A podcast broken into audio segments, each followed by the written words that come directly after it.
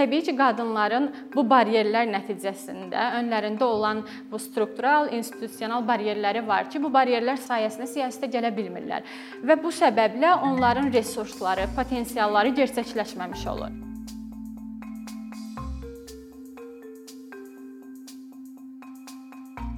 Bu gün e, qadınların siyasi təmsilçiliyi nədir və onun önəmi nədən ibarətdir? Bundan danışacağıq. Ümumiyyətlə qadınların siyasi təmsilçiliyi beynəlxalq gündəmdə, beynəlxalq təşkilatların belə deyək, e, siyasi maraqlarında ən əsası prioritet sahələrdən birinə çevrilibdir. Biz bunu beynəlxalq təşkilatların belə deyək, proqramlarına baxdıqda görə bilərik və yaxud da onların dövlət üzərinə qoyduqları tələblərdə görə bilərik. Bəs ümumiyyətlə siyasi təmsilçilik və xüsusilə qadınların siyasi təmsilçiliyi deyəndə nə nəzərdə tutulur? E, siyasi təmsilçilik təmsilçilik özündə belə deyək, konsept olaraq təmsil olunanı və təmsil edəni və onlar arasındakı bu münasibəti ehtiva eləyir. Yəni vətəndaşların onların maraqlarını, istəklərini, belə deyə perspektivlərini siyasi arenada onların adından təmsil edən şəxsə deyilir və bu münasibətlərdə qadın siyasi səviyyədə, siyasi kontekstdə öz icmasının və yaxud ümumiyyətlə vətəndaşların səsini, onların perspektivini nə dərəcədə əks elətdirir. Siyasi təmsilçilik xüsusilə qadın perspektivində bununla maraqlanır. Qadınların siyasi təmsilçiliyində biz sırf seçkili orqanlarda təmsilçilikdən deyil, daha geniş mənada ümumiyyətlə idarə etmə və siyasi qərarların qəbulu prosesində belə deyək, iştirakçılığından danışırıq. İdarə etmədə seç və qərarverici səviyyədə qadınların iştirakçılığı bu nazir səviyyəsində ola bilər və yaxud da belə deyək, prezident, dövlət başçısı, hökumət başçısı səviyyəsində və yaxud da seçkili orqanlarda, yəni yerli icra hakimiyyətlərində, parlamentlərdə qadınların seçilməsi və onların belə deyək, öz vətəndaşlarını təmsil etməyini nəzərdə tutur. Bu müzakirədən yola çıxaraq əslində biraz trendləri göstərmək istəyirəm ki, hal-hazırda dünyada vəziyyət necədir. Dövlət və hökumət başçılarının cins nisbətində baxdıqda yalnız 28 ölkədə qadınlar dövlət və ya da hökumət başçısı olaraq təmsil olunur siyasətdə. Nazirlər belə deyək, səviyyəsinə baxdıqda bu 21%dir və qeyd eləyim ki, bu belə deyək, son 50 ilin ən yüksək göstəriciləridir. Bunu nəzərə alın. Çünki məsələn, sırf parlamentlərdə qadınların iştirakçılığı baxımından 95-ci ildə bu rəqəm 11% idi. Yəni biz hal-hazırda ola bildiyimiz ən yaxşı vəziyyətin belə deyək, nümayişini göstəririk. Dünya üzrə yenə qadınların təmsil olunduğu rəqəm, ortalama rəqəm 26%dir. Bu yenə də belə deyək, regionlar üzrə fərqlilik göstərir. Deyək ki, Skandinav ölkələrində və yaxud da kvota sisteminin tətbiq olunduğu ölkələrdə bu rəqəm yüksəkdir. 50%-ə yaxınlaşa bilər və bəzi ölkələrdə hətta 50% keçə bilibdir.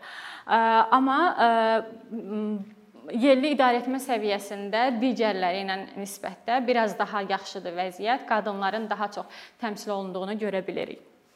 Bəs Azərbaycanda belə deyək, təmsilçilik nə səviyyədədir? Burada da sırf seçkili orqanlarda deyil, həm də qadınların qərar qəbul edici səviyyədə ümumi təmsil olunmağı nə səviyyədədir, ona baxırıq.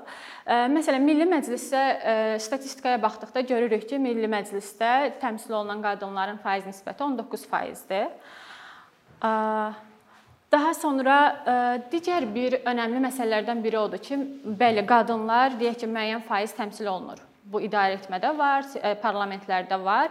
Amma onların prioritet olaraq belə deyək, daha çox fokuslandığı və yaxud da daha çox ə, e, fəaliyyət göstərdiyi, daha çox ə, özlərini göstərdiyi spesifik arenalar var ki, bu dünya səviyyəsinə də sirf fokuslanıbdı. Məsələn, sosial sahələr, təhsillə bağlı sahələr, genderlə əlaqəli sahələr və yaxud da ə, səhiyyə ilə əlaqəli sahələrdə oxşar rəqəm ə, rəqəmləri hətta daha da ə, belə deyək, neqativini Azərbaycanda görə bilirik. Məsələn, komitə səviyyəsində Milli Məclisin belə deyək, komitə üzvlərinin nisbətinə baxdıqda görürük ki, Ailə Qadın və Elm və Təhsil Komitəsi ən çox qadınların belə deyək, yaxşı daha yaxşı vəziyyətdə təmsil olunduğu komitələrdir.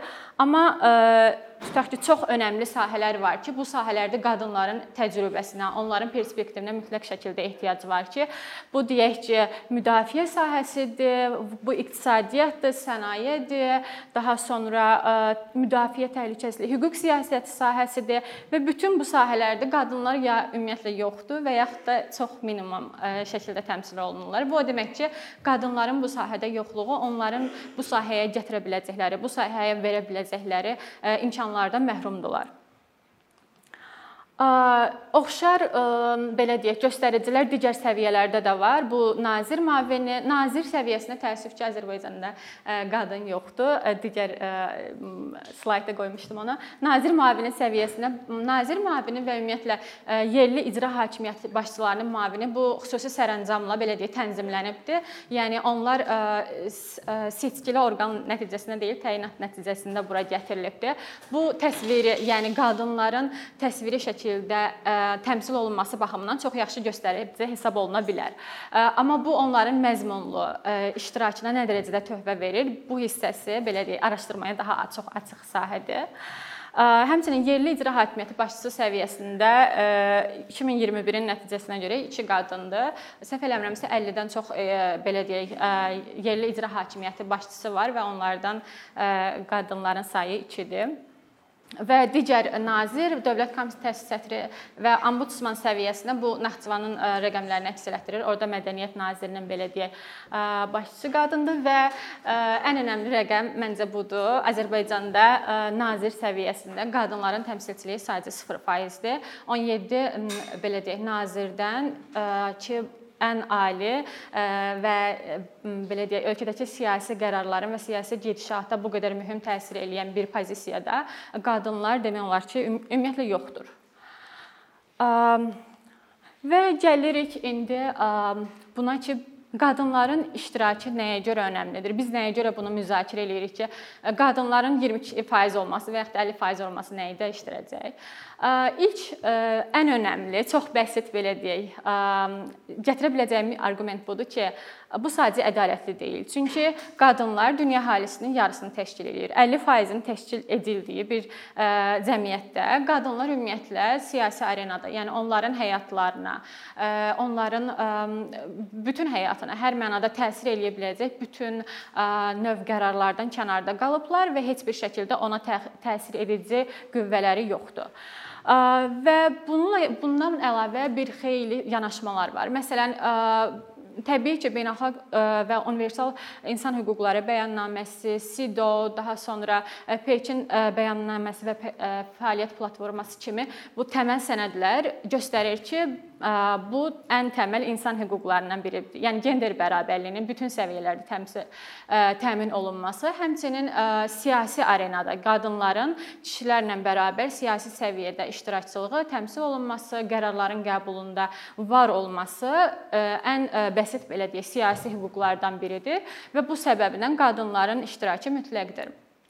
Qadınların iştirakı həmçinin ona görə mütləqdir ki, qadınlarla kişilərin sosial həyatı, ümumiyyətlə təcrübələri eyni deyil. Kişilərin müdafiəyə, müdafiə deyək ki, mexanizminə yanaşması ilə qadınların yanaşması sosial təcrübələrindən, onların müxtəlif həyat təcrübələrindən asılı olaraq bu fərqliliklərə dayanaraq belə deyək, təcrübələrini fərqli, fərqli şəkildə yan, yansıdırlar. Və həmçinin qadınların maraqları kişilərin maraqları ilə həmişə üst-üstə düşmür. Qadınların bu sahədən geridə qalması o demək ki, bu böyük bir çoxluğun marginallaşdırılması, həm də onların maraqlarının, dəyərlərinin kənarda qalmağı deməkdir. Və ümumiyyətlə qadınlar yalnız həm marağının, bacarıqlarının deyil, həm də onların bir potensialı var. Bu ən çox kvota sistemində belə deyək müzakirə olunan bir mövzudur ki, bacarıq məsələsi. Amma təbii ki, qadınların bu baryerlər nəticəsində önlərində olan bu struktural, institusional baryerləri var ki, bu baryerlər sayəsində siyasətə gələ bilmirlər. Və bu səbəblə onların resursları, potensialları gerçəkləşməmiş olur. Yəni bu təhsil səviyyəsindən asılı ola bilər və yaxud da onların siyasi dən əlavə ictimai, sosial e, və iqtisadi iştirakçılığından və bu təcrübələrdən gələn səbəblərlə onların e, belə deyək, fərqli potensialları, fərqli bacarıqları formalaşır. E, məncə bu çox gözəl əks etdirir onu və göstərir ki, əslində qadınlar deyək ki, burada 20% qadın təmsil olunursa, amma biz bu qeyri-bərabər olan belə deyək, potensial xəritəsində qadınları itirmiş oluruq. Qadınlar tutaq ki, onlara bərabər imkan yaradılmadığı üçün onunla bərabər ola biləcək, eyni potensiala sahib olacaq kişi, kişi belə deyək, ən ali qərarverici səviyyəyə gəlib çıxa bilər, amma qadın bu bariyerlər sayəsində gəlib çıxa bilmir. Bariyerlər deyəndə isə ümumiyyətlə biz nəyi nəzərdə tuturuq? Bu fərqli şəkildə özünü göstərir və hər cəmiyyətdən cəmiyyətə dəyişsə də, ümumiyyətlə genderlə əlaqəli bariyerlər demək olar ki, universaldır və sadəcə bəzi cəmiyyətlərdə biraz fərqlilik göstərir.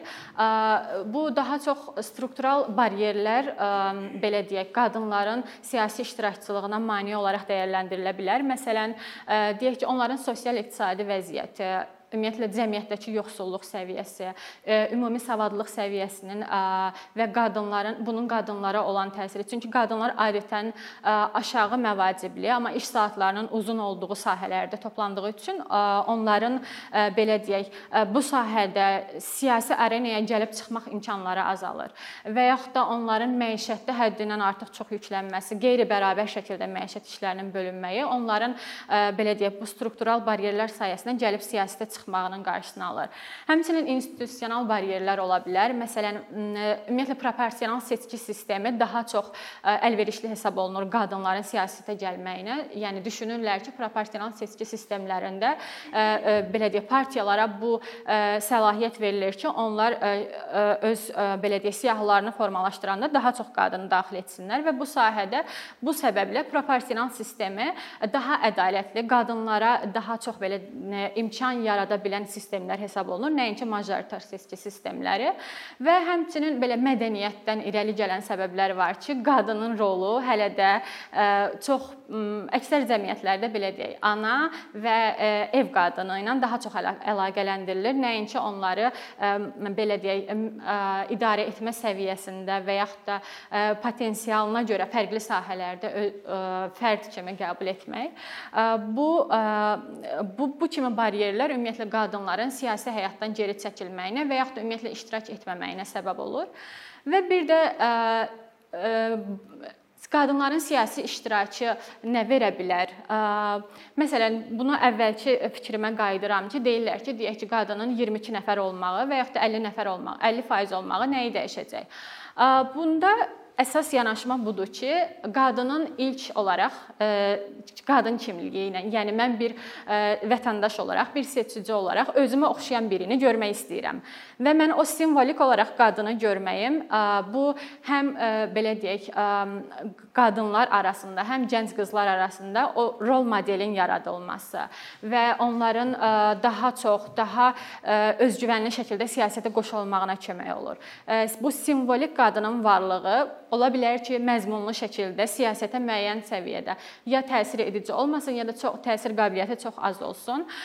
Bu həmçinin belə deyək, demokratik ölkələrdə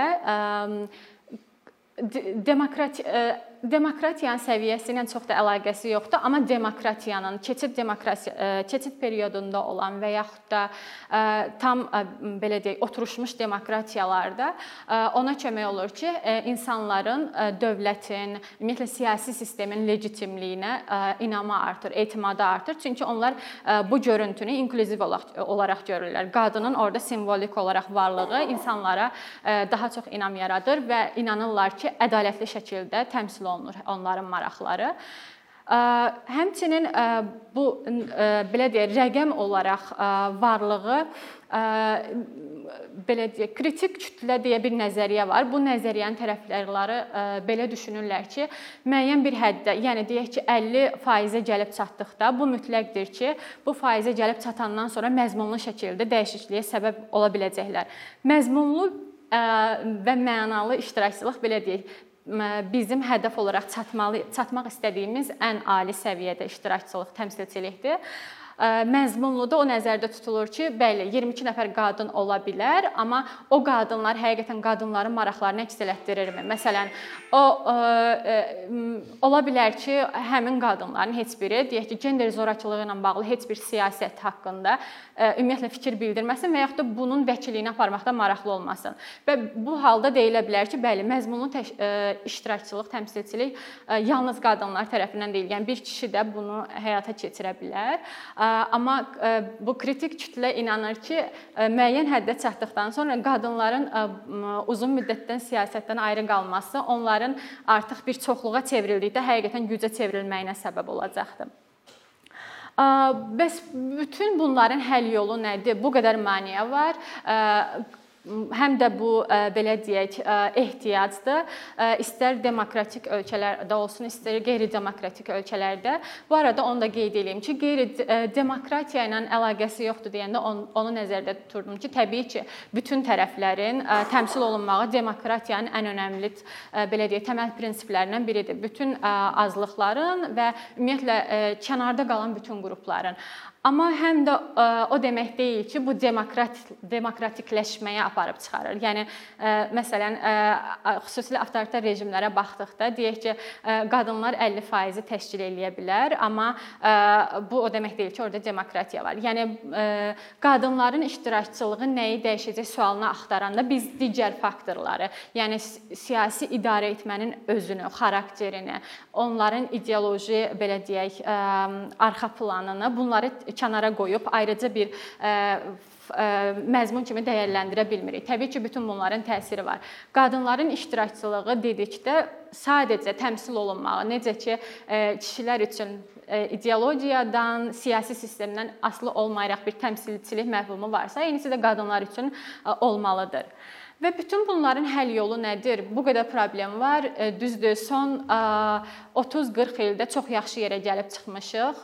Amma bu həm də öz özünə baş verən bir proses deyil. Təbii ki, bunun arxasında çox güclü bir mobilizasiya var, çox güclü bir hərəkət var və ümumiyyətlə beynəlxalq təşkilatlar, beynəlxalq təşkilatların beynəlxalq gündəmin belə deyək, ən önəmli agendalarında ən önəmli məsələlərdən, prioritetlərdən biridir ki, bütün sahələrdə sahələrdə, xüsusilə siyasi sahədə gender bərabərliyinə nail olmaq.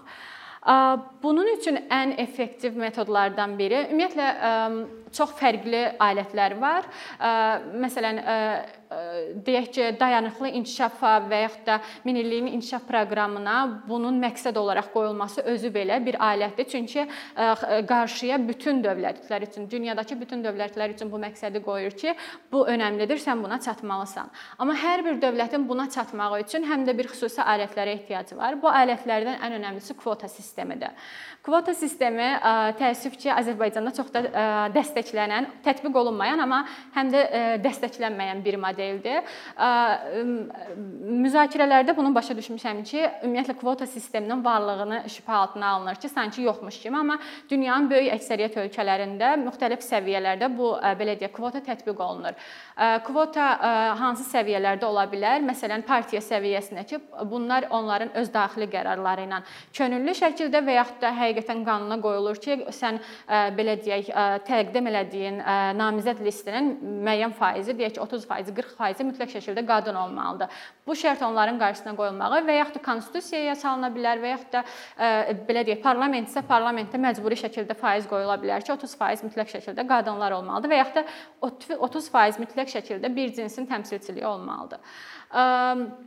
Bununla bağlı SİDO Azərbaycana tövsiyə veribdi ki, Azərbaycanda siyasi təmsilçiliyin aşağı olduğunu nəzərə alaraq Azərbaycanda kvota sisteminin tətbiq olunmasını tövsiyə olaraq hökumətə təqdim eləyibdi. Və kvota sisteminin tətbiq olunmasına belə deyək, gətirilən ən əsas əks arqumentlərdən biri odur ki, bu ədalətli deyil. Xüsusilə liberallar tərəfindən gətirilən budur ki, bu bacarıqlarla bağlı bir şeydir. Kimin bacarığı daha yaxşıdırsa o seçilsin. Amma ən önəmli belə deyək, unudulan şey odur ki, kvota sistemi əslində kompensasiyadır. Nəinki belə deyək, bacarıqların qarşısını alan bir baryer. Çünki qadınların qarşısında onsuz da bir böyük bir baryer var. Kvota sistemi bu bunu bu baryeri qaldırır qaldırmağın və belə fast track deyilir ingilis dilində, sürətli şəkildə qaldırıb e, qadınları daxil eləyib daha sonra prosesi öz gedişatına buraxmağın tərəfdarıdır. E, yəni e, kvota sistemi əslində belə deyək, qeyri-bərabərlik və yaxud da eyni bacarıqda olan insanların yarışa qatılmağı məsələsi deyil. Sadəcə qoyulmuş bir baryerin qaldırılması müvəqqəti şəkildə qadınların siyasi arenaya aktiv şəkildə cəlb edilməsinə kömək etmək və daha sonra prosesin təbii şəkildə inkişafına dəstək olmaqdır.